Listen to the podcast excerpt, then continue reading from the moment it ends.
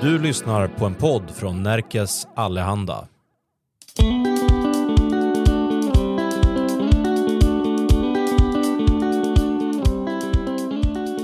Hej och välkomna till Konditionsbloggen-podden. Veckans gäst är den snabbaste halvmaratonlöparen från länet genom tiderna och har ett SM-brons i maraton på meritlistan. Men i sommar ska hon springa så kort som 1500 meter på veteran-VM. Josefin Gerdevåg, välkommen hit. Och så får du som alla andra gäster här som första fråga, vad är det längsta du har sprungit? Det längsta jag sprungit är väl 48 kilometer tror jag. Mm, på Bergslagsleden Ultra 2020. Ja, där. Och så har jag sprungit lika långt någon gång när jag sprang vilse på ett långpass i eh, Nordmarka i Oslo-trakten. Okej, okay, okay, då var det mer ofrivilligt. Ja. Ofrivilligt långpass. Mm. Men du, varför har du inte sprungit mer ultra än så? Nej, jag har bara inte tränat tillräckligt mycket för att våga ge, ge mig in på den distansen. Men det vore ju ganska skoj. Men jag tycker inte om att springa sådana här varvbanor. Då ska det vara något eh, mer som Bergslagen Ultra. Sådana lopp gillar jag. Men de brukar också vara ganska långt ifrån Örebro. Så jag har varit lite mer bekväm och hållit mig hemma. I. Men det är inte omöjligt att springa ett fjällmaraton som är lite längre. Nej. Jag tycker att det är roligare. Men det är hur man är som person. Man kan ju jaga tider också. Men jag, jag minns ju att du var med på 2020 därför eftersom jag själv var med då. Så Åh, att du sprang om mig. det vill jag inte säga, det fick du säga. Det är första och sista gången jag slog dig i ett löplopp tror jag. Ja, nu har inte jag med på så många löp så du slår säkert mig just nu. Ja, men... tve, tveks, tve, tveksamt där. Du är väldigt, väldigt mycket snabbare än mig i alla fall. Men eh, varför slog jag dig då? Hade du en dålig dag eller? Jag hade inte lyssnat på min fru. Som sa? Som sa du borde ta lite Imodium innan du ska springa loppet annars kommer din mage. Just det, det var magen mm. som satte stopp så mm. det kommer jag ihåg när du säger det. Ja. Och jag sa till henne, men det behövs inte, man springer inte så snabbt i skogen. Men, ja. Men det var ett, väldigt trevligt lopp. Ja. Men det där är ju så klassiskt ultrabekymmer, att man ja. får magen. Magen är eh, det viktigaste i ultralöpning. Jag måste börja med att fråga här om, om du har lagt av. Ja, du har ju aldrig skrivit något, men efter pandemin har du sprungit väldigt lite lopp. Ja, alltså jag har väl, jag älskar fortfarande att springa eh, och träna. Jag har inte riktigt hittat tillbaka till att tävla. Mm. För än så länge är min hjärna inställd på att om jag ska tävla så måste jag liksom göra bra resultat och då krävs ganska mycket insats inför mm. det. Så nu har jag mest eh, hittat saker som att fördriva tiden på fritiden med träning och liksom eh, träna med gamla träningskompisar och barnen har också blivit större så man hänger med på deras aktiviteter. Men jag, inte, jag kommer tävla några fler gånger men kanske inte på samma nivå som tidigare. Som motionär mer kanske? Som motionär och så måste jag bara förlika mig att jag är motionär och inte elit och eh, sätta eh, ambitionsnivån efter det. Uh-huh. Men när, när, tog du det där beslutet att du inte ska vara elit mer?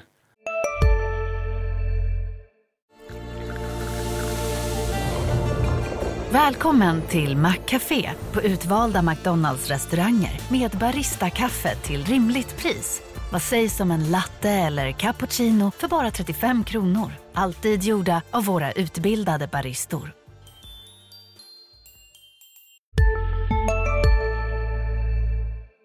Nej men alltså, när pandemin kom så var det väldigt mycket på jobbet. Eh, jag jobbade som narkosläkare och då blev det liksom 24 timmar räckte inte riktigt till till att eh, jobba med de eh, covid-patienterna och ha ett träningsprogram med elitfokus. Mm. Och så fanns det inte så mycket tävlingar då, så då var det inte lika motiverande. Och sen efter det har jag liksom inte riktigt, jag försökte komma tillbaka någon gång men då skyndar man för snabbt och får en liten skada och då. Sen har jag insett att det finns mycket annat roligt att göra eh, som inte bara är löpning. Åka skidor och eh, köra lite crossfit och ja, kolla på barnen när de spelar fotbollsmatch och sådär. Jag trodde du skulle säga ligga hemma i soffan och kolla på Netflix, men det var, det var andra fysiska aktiviteter ja. som, som... Ja, men det är också trevligt att ligga i soffan och se på Netflix, men, men ja, och det har inte känts liksom så, här, uh, så viktigt eller så, mm. ja. Var du lite klar? Jag var lite, ja, fast jag, jag drömmer ju alltid om snabbare tider, men sen har jag blivit realist så då kanske jag Sen tycker jag det är kul att bara följa med. Det finns ju många som uh, gör fantastiska eh, resultat i länet och det är kul och eh, Fanny sprang ju jättebra igår. Mm. Halvmaraton i Barcelona. Eh, så att eh, man får hänga med på hennes eh, pass ibland och det är, ja, det är inspirerande att bara bara få följa med och bara kolla på folk. ja, Fanny berättade att ni, ni ses ibland ja. tidigt på morgnarna på gymmet. Ja, ja det stämmer. Hon, hon står på löpande träd när du kommer. Ja, hon är ju sjukt morgonpigg. Ja. Men du, eh, vi ska prata mer om, om det där om en stund. Men jag tänkte vi, vi börjar i andra änden istället. Varför blev du löpare från början? Du var orienterare Jag var i orienterare. grunden. Ja, men det la jag av med när jag började på gymnasiet. Ja. Sen så flyttade jag till eh, Oslo efter eh, gymnasietiden och några år med jobb i Örebro och började plugga på universitetet där. Och då var det väldigt praktiskt att springa. Det var billigt när man är student. Man behövde bara par löparskor och eh, eh, Nordmarka finns ju precis i närheten. Det finns fantastiska löpmöjligheter om man vill springa skog och det finns också fantastiskt att springa om man vill springa asfalt där. Också och friidrottsanläggningar. Så jag började springa med en kompis och sen så sprang vi ganska mycket och då tänkte vi att vi borde springa ett maraton och då anmälde vi oss till ett maraton och jag var helt frälst efteråt och hon sa aldrig mer. eh, Så då började jag träna med en klubb och sen så på den vägen var det. Ja. Jag googlar mig tillbaka. eh, Stockholm Marathon 2005. Hittar Ja, det jag. Är det, är det, det, Det är första. första? Ja. Ja. 3.15. Ja. Det är ingen, ingen dålig tid som, Nej. som nybörjare och träna på egen hand sådär. Nej, det var, och jag hade inte tränat. Alltså, vi, vi sprang ihop och hade, alltså, som vår eh, sociala aktivitet efter eh, skolan.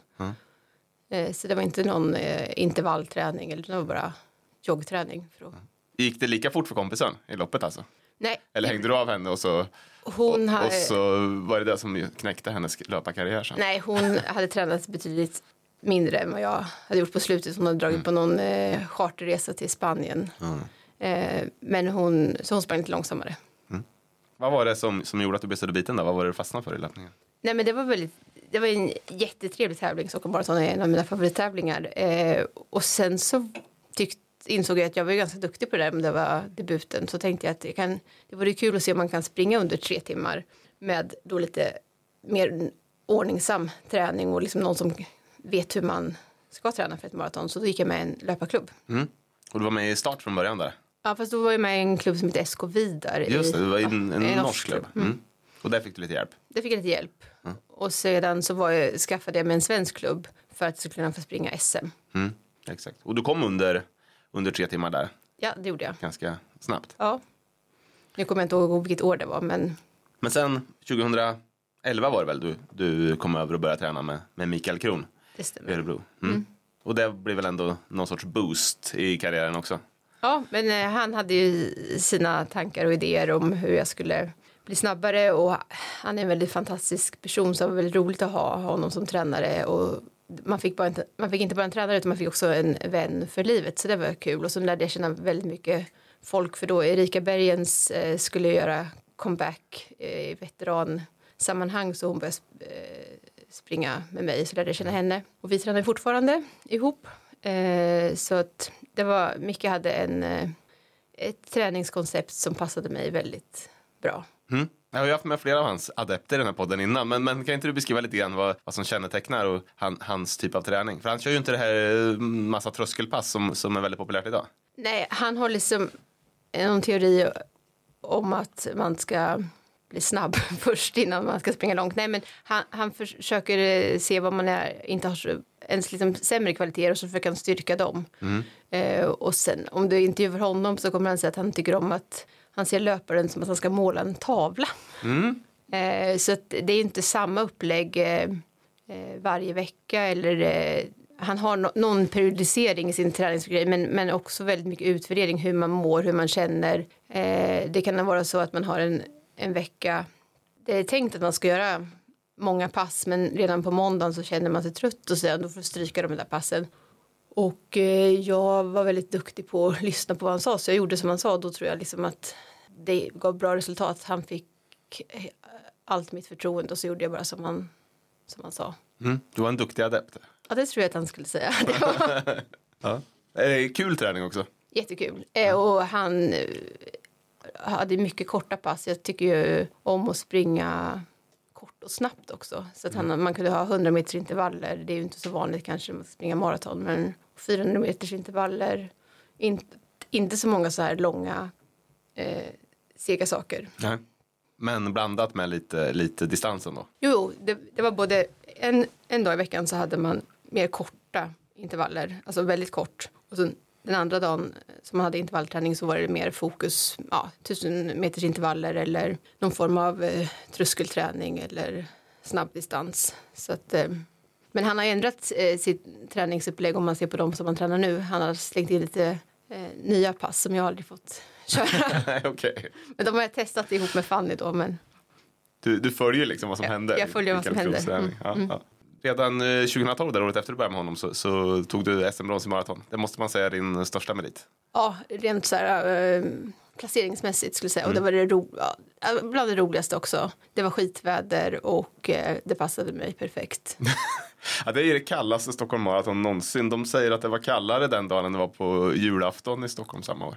Ja, Vad var det? Så här, sex grader och, och blåsigt och regnigt. Och jag tror till och med det var fyra grader. fyra grader. Ja. Och sen blåste det stormvindar och så regnade det.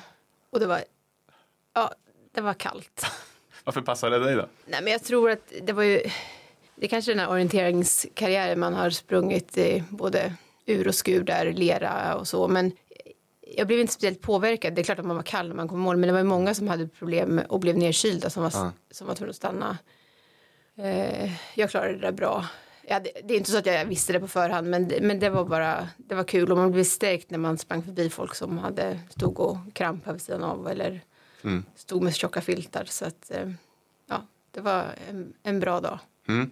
Hur, hur utvecklade sig loppet? Var du trea länge eller var det liksom, tog du placeringar hela tiden? Nej, jag tog placeringar hela tiden. Jag startade i, i eh, ett tempo som jag hade tänkt jag skulle hålla, men sen det var väldigt svårt att springa jämnt för på andra varvet så var man för kall och det blåste väldigt mycket. Så jag, så jag hade ju en positiv split, inte någon negativ där, men, men placeringsmässigt så eh, plockade jag folk hela tiden.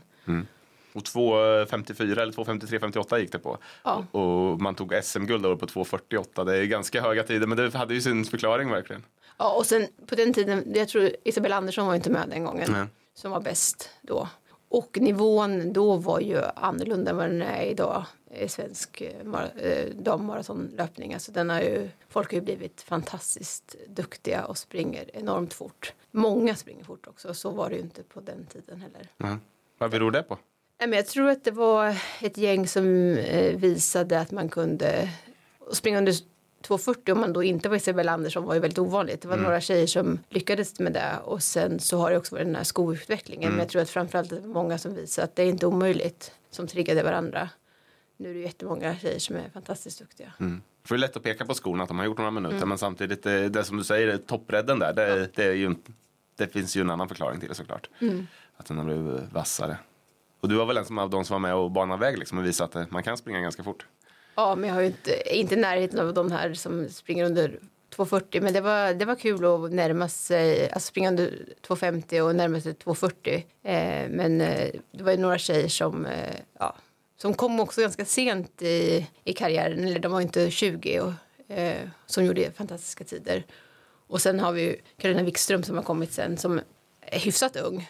Eh, som springer, ja, det är imponerande det hon gör. Verkligen, verkligen. Han du eh, springa något med superskorna? Ja, Ja. det har jag faktiskt gjort. Jag köpte ett par inför eh, maraton i Valencia när jag satte PB där. Just det, 2018. För då var det så här, ska jag ha de här skorna eller inte? Och, jag tänkte, det kan inte vara så fantastiskt med de här skorna. Men sen vågar man ju inte riktigt inte ha dem. Så då beställde jag ett par skor från, eh, jag tror det var Italien som skippades till Danmark där min svågers svägerska bodde. Och så fick hon skicka dem till Sverige. Så jag hade faktiskt Vaporfly då eh, För det här var precis i, i starten. i starten. För nu finns det ju den här typen av skor i var och varannan butik. Liksom. Ja. Men, men då, var det, då var det svårt att få tag i dem. Det var svårt att få tag i dem. Och sen, ja, de, de var inte dyra, de var ju dyra men alltså inte så dyra som de är nu. Men då var, det var mycket pengar att lägga över 2000 kronor på ett par löparskor då. Men det var det värt. Mm, mm. Adidas kommer ju med något par nu som, som kostar fem och ett halvt tror jag. Så. Det, det finns ingen övre gräns som, som det ofta är. Men då 2018 då sprang du på 2.42,49. Ja, Och det var Närke-rekord då och eh, det som är ditt pers idag. ja det stämmer. Mm. Hur var det loppet då? Ja, men det var eh, det var helt klockrent lopp. Alltså det allt gick bara flöt på. Kanske skulle sprungit lite fortare från början. Ja det var så, du hade lite Ja. kvar i tanken. Men, men, men det, var ett, det, var ett jätte, det var en trevlig resa. Jag åkte dit med ett stort eh, grabbgäng faktiskt från Örebro. Eh, och sedan så det var bra väder, tävlingen gick liksom över förväntan. Jag tyckte kanske inte jag var i liksom mitt livs bästa form då. Jag tror egentligen var bättre form när jag sprang i Frankfurt eh, 2015 då. Men med de här skorna och Mm. vädret och stämningen så ja, så det var jättekul. Ja. Hur mycket gjorde skorna? där? Ja, men jag tror att de där måste ha gjort i alla fall två, tre minuter. Alltså. Du tror det? Ja. Ja. Med tanke på vad jag hade tränat innan jämfört med Frankfurt. Men alltså, det, Lite mental effekt också kanske? ja, ja, det var det. Men när man satte på sig dem första gången kom jag ihåg att det kändes som att studsa fram. Ja, ja. Ja. För många säger ju idag att den största effekten de har är att man kan träna mer, att man inte blir sliten efter träningspassen liksom, på samma sätt i, i baksidor och sådär. Ja, men det håller jag nog med om. Jag hade ju inte tränat i de här skorna, jag sprang bara tävlingen i dem. Eh, och så var man ju inte lika trött i benen eh, efter 30 kilometer som man brukar vara. Ja. Det känner man ju också. Man kan springa på. Och det ser man väl också på många som lyckas göra negativ split på många lopp. Så var det ju inte riktigt.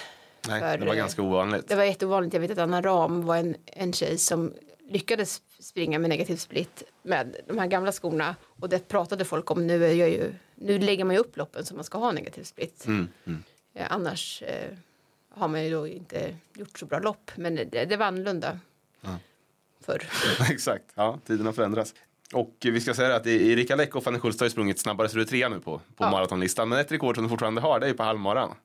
En 16.43 som du gjorde i Haag. När Ja. du och eh, Mikaela Kempi sparrades bra där. Ja, Det är ju en, en riktigt, riktigt bra tid, en 16. Och det är de gamla skorna. de gamla skorna och hagelstorm. Ja, hagelstorm också. ja. Ja. Berätta om det där loppet då. Nej, men det var, eh, det var också ett lopp som eh, jag och Mikaela åkte dit. Och när vi liksom stod på startlinjen ihop så blev jag extra peppad och eh, vill gärna slå henne och hon vill gärna slå mig. Så att, men vi sprang eh, jämt och då var också Hanna, även Hanna Lindholm med. Hon eh, var ju precis före oss några sekunder. Men det var ett lopp som gick bra, och men det blåste jättemycket och så blev det någon hagelskur. Eh, om jag minns rätt. Men, eh, men det, man märkte inte så mycket av det. Vi hade flyt båda två och sen så på slutet så var det liksom en lång spurt egentligen som vi hade. Mm. Eh, där Mikaela gick om och jag tänkte så fan, nu, nu, gör de det igen. Men sen så lyckades jag eh, spurta ner henne på slutet. Men det var liksom, hade inte hon sprungit så hade det gått långsammare för på slutet var det, drog vi varandra fram till den där tiden. Och det var synd med det där vädret för annars hade det kanske gått. Men ja, man ska inte skylla. Det, man får det vädret man får när man springer tävlingar. Men det var en väldigt kul eh, tävling och trevlig resa. Och, ja. Ja. Häftigt ändå. Ja. Och, och, eh, vem, vem kommer ta rekordet tror du? ja, men alltså Fanny borde ta det. Om man tänker på vad hon gjorde igår så. Ja. Ja, på söndagen här i Barcelona så var hon Ja. mindre än en minut ifrån det. Ja. Vi får se framåt när, hur, hur, lång, hur lång tid du får behålla det där. Ja. Men, men du och Mikaela då, ni, ni eh, var ju bra samtidigt Mm. eh, under några år här. Och ni hade ju nytta av varandra också som du var inne på där. Eh, hade ni en speciell relation så?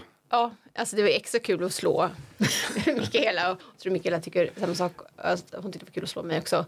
Sen eh, är hon ju en väldigt eh, schysst eh, person och en härlig människa liksom. Så att eh, man lärde känna henne också som inte bara som en konkurrent som en vän också. Så det var väldigt kul. Det är ju det som är det härliga med det här löparklimatet här i Örebro. Att man har liksom lärt känna väldigt mycket folk som man inte skulle lärt känna annars.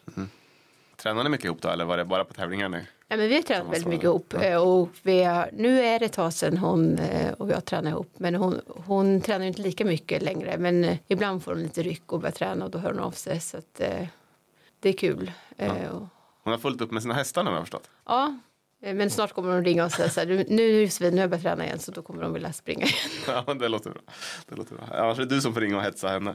Ja, Vi var ju inne på träning förut, men jag glömde ju fråga dig om ditt eh, favoritträningspass som jag brukar, brukar eh, låta alla, alla som kommer till podden ta med sig. Är det något från Kron eller vad, vad gillar du bäst? men jag, skulle, jag tycker nog det är roligast att ha 10 gånger 400 meter eller 20 gånger 400 meter med en minut stå och vila.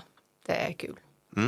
Eh, på bana då eller? Vad, På bana. Ja, Eh, ihop med Erika Bergen skulle jag Ja, säga. ja. Är favoritpass. då ska det gå undan. Då ska det gå undan. Ja, ja. Men då kommer vi över på det, för du och Erika Bergens, ni har ju en, en satsning på gång ihop. Satsning, satsning. Men vi har mer kanske en um, målsättning om att vi ska springa veteran-VM Eh, förutsatt att bägge håller sig skadefria och att vi får igång våra eh, banpass. Mm. Och ni ska göra det på 1500 meter?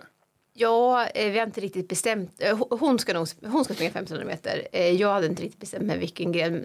Men man kan ju springa allt från 800 och upp till, jag tror till och med maratondistansen kommer vara med. Ja, eller halvmaraton i alla fall. Halvmaraton är med i Ja, varje fall. Ja, jag tror det är det som är den längsta. Men det är väldigt många. Det är ju både 10 000 meter och 10 kilometer landsväg och så är det terräng. Det är ju Ja, det hela spektrat. Ja. Men jag tycker banlöpning är ju roligt alltså. Så att ska man göra något sånt där så tänker jag att det får vara någonting på bana.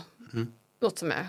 Och då kan man ju få springa sina favoritträningspass om man då ska köra Precis. 1500 meter. Ja. Men eh, ja, Men eh, 1500 meter är kort för en maratonlöpare. ja. Ja, det är kort, men det är också väldigt roligt. Jag har ju sprungit 1500 meter några gånger Mm. tidigare i karriären. Exakt. Ja, jag kollar, jag kollar in ditt. Eh, Du har ett pers på, från 2015 på, på 4.32,78. Ja. Det är, inte, det är inte så illa. Nej, och sen har vi... Jag tror Jag, det är fyra genom tiderna i länet på det här faktiskt. Det kan nog vara så. Jag tror att Linda Ström kanske är snabbare och Sundström. Mm, det stämmer nog. Nej, men jag och Erika har ju också ett, eh, vi har sprungit stafett-SM 1500 meter. Ihop med eh, Lisa Brorsson. Ja. Tagit ett brons. Det känner jag till. Ja. Det var samma år där 2015. Ja, Och eh, ja, det var ju speciellt. Det är ju ditt andra SM-brons. Du har ju två, två Ja. stycken. Ja. hur kom, eh, det var något återbud i laget och sådär, eller hur blev det?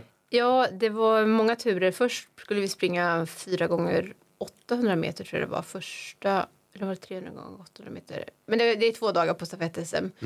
Men, och då var Lotta Lennartsson med. Men då, hon fick någon skada så vi, då fick vi aldrig springa. Hon sprang första sträckan och sen så skulle vem var det som skulle springa? Jag kommer faktiskt inte ihåg vem som skulle springa 50. Om det var Lotta som då inte kunde och så var vi försöka hitta någon ersättare. Och då fick vi tag i Brorsson. Mm. Som var ganska ung då, typ Som var 15 år eller. Ja. Men eh, tvekade inte och eh, sprang eh, jättebra. Eh, så det var jättekul. ja. Och då fick ni ett brons där, det, är, det är häftigt ändå. Ehm, men, men 4.32 sa vi här, att, eh, rekordet. Hur fort ska det gå i år? Alltså, jag har ingen aning om. Det, eh, det måste nästan, det ska väl gå under 4.45 i alla fall. Om man ska ställa sig på startlinjen. precis. Precis. 2022, senaste var eh, veteran-VM. Eh, då tog eh, Denise Tuner, den irländska, VM-guld D40 på, på 4.36 och medalj fick man på 4.43. Så 4.45 kan ju räcka en bit. Nu vet vi inte, veteranklasser är ju alltid så här, vilka kommer till start Ja. i år? Det vet man ju aldrig, men det kan ändå räcka ganska långt 4.45, låter det som det. ja, det kan det säkert. Jag har ingen aning, men jag tänker att det måste gå. Eh, 4.45 borde vara realistiskt och träna inför. Sen, så, sen sådana här lopp kan ju gå väldigt långsamt eller eh, fort. Eller det beror alldeles på vilka som är med och liksom vilken taktik det blir och så. Så det är inte som att springa längre distanser. Nej, precis.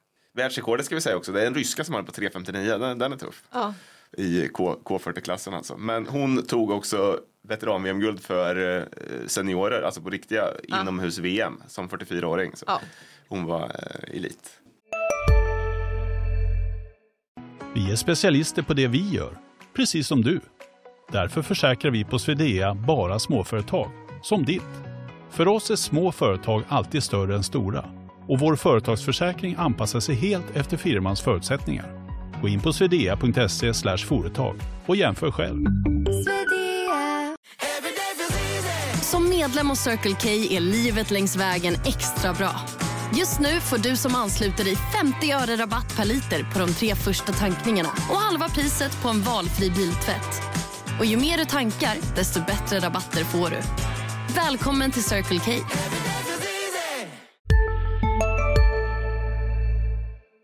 Men, men eh, hur, hur kommer upplägget vara inför, inför eh, sommaren? Nej men det får väl bli eh, så fort snön är borta får vi väl börja köra lite banpass eh, utomhus. Eh, man kan också köra banpass nu inne i typ Lundshallen men de är ju lite kurverade de där banorna jag har blivit skadad för så man får vara lite försiktig. Eh, och så köra en hel del styrketräning tänker jag, får vara konceptet. Mm.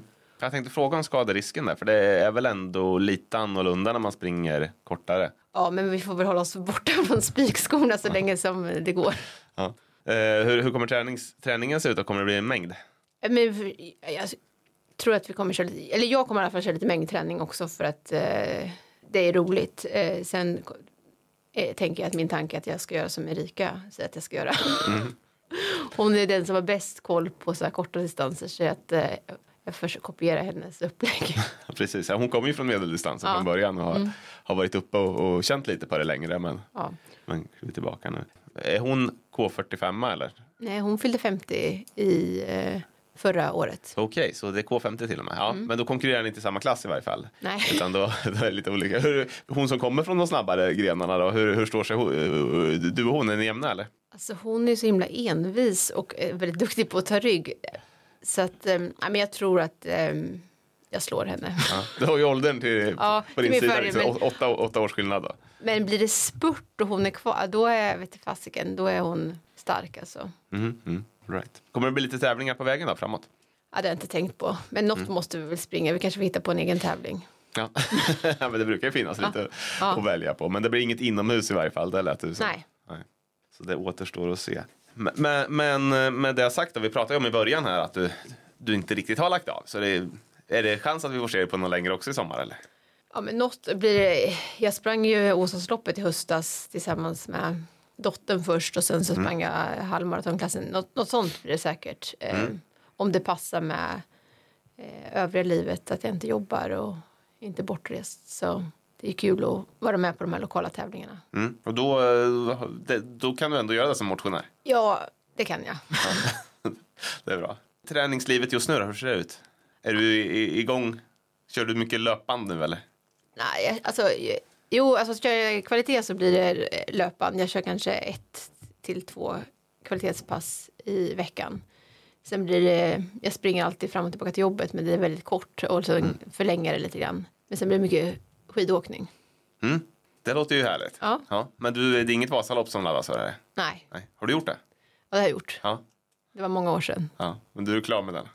Ja, alltså, det hade varit kul om jag liksom fick ett par eh, bra vallade skidor och eh, bra förhållanden. Det är den lilla detaljen. Ja, nej, men alltså det, det, det, det är ju veckan efter eh, sportlovet och jag är ledig. Alltså, Det är svårt med, måste man planera annorlunda med jobbet och få vara ledig då. Men eh, Vasaloppet är, är kul, men eh, inte i år. Nej, nej. Jag har, ju, jag har ju fuskat mig igenom ett Vasalopp också. Eh, men, men mitt problem är ju att jag är väldigt mycket löpare så man har, har ju inga överkroppsmuskler och så ska man försöka träna upp det där på en kort vinter. Det, men du har lite mer stakmuskler i dig. Eh, och en, inte så mycket stakmuskler, men jag har kört lite stakmaskin och sen så eh, har jag eh, kört lite styrketräning och så där. Och sen har jag fått lite tips på hur man ska staka så att eh, det gick ganska bra. När jag, nu, nu är det ju länge, många, många, många år sedan jag åkte Vasaloppet, men jag har åkt betydligt mer skidor efter Vasaloppet än vad jag gjorde innan Vasaloppet, så jag tror jag skulle kanske åka bättre än vad jag gjorde då. Mm, mm. All right. Ja, vi får se vart Ja. det dyker upp då helt enkelt. Och sen vilken distans det blir på, på veteran-VM. Det blir spännande att se. I augusti i Göteborg är det och det kommer bli ett bra gäng från Örebro som, som ska dit. Ja, alltså de är Rebecka Högberg ska ju dit. Eh, och sen Rebecka Erika. ska springa 400 och 400 häck pratar hon ju om och Marie Da- Dassler Ja. ju, kommer ju säkert vara i topp i sin, sina distanser där de ställer väl upp på 4, 5, 6 stycken antar jag. Mm. Har du fler bra namn? Nej, men Maria Eriksson brukar springa veteranlopp också. Just det. Eh, Nagle som han heter nu. ja visst ja, hon har bytt namn. eh, och sen jag och Erika, jag vet inte om det är några killar som eh, dyker upp. Nej. Nej, men det finns lite medaljmöjligheter för länet där i alla fall. Ja det tror jag säkert. I alla fall Marie, hon är ju, och Rebecka är ju jätte, jätte, jättebra. Ja. Kul! Eh, jag brukar avsluta den här podden med att fråga vad ska du träna idag? Så det, det, den frågan får du. Eller har du tränat redan? Nej jag har inte tränat, jag ska köra en timme eh, skate uppe i Annaboda ikväll. Ja men härligt. På konstsnöspåret eller på, på långspåren? På Konstsnöspåret. Barnen har skidträning så då gör jag det parallellt. Då passar du på. Mm. Ja men vad härligt. Men du, lycka till med det. Och eh, stort lycka till även i veteran-VM säger vi. Och eh, tack för att du kom till podden Josefin Järvåg. Tusen tack för att jag fick komma, trevligt att prata med dig. Ja. Och eh, Konditionsbloggen-podden den är tillbaka nästa vecka.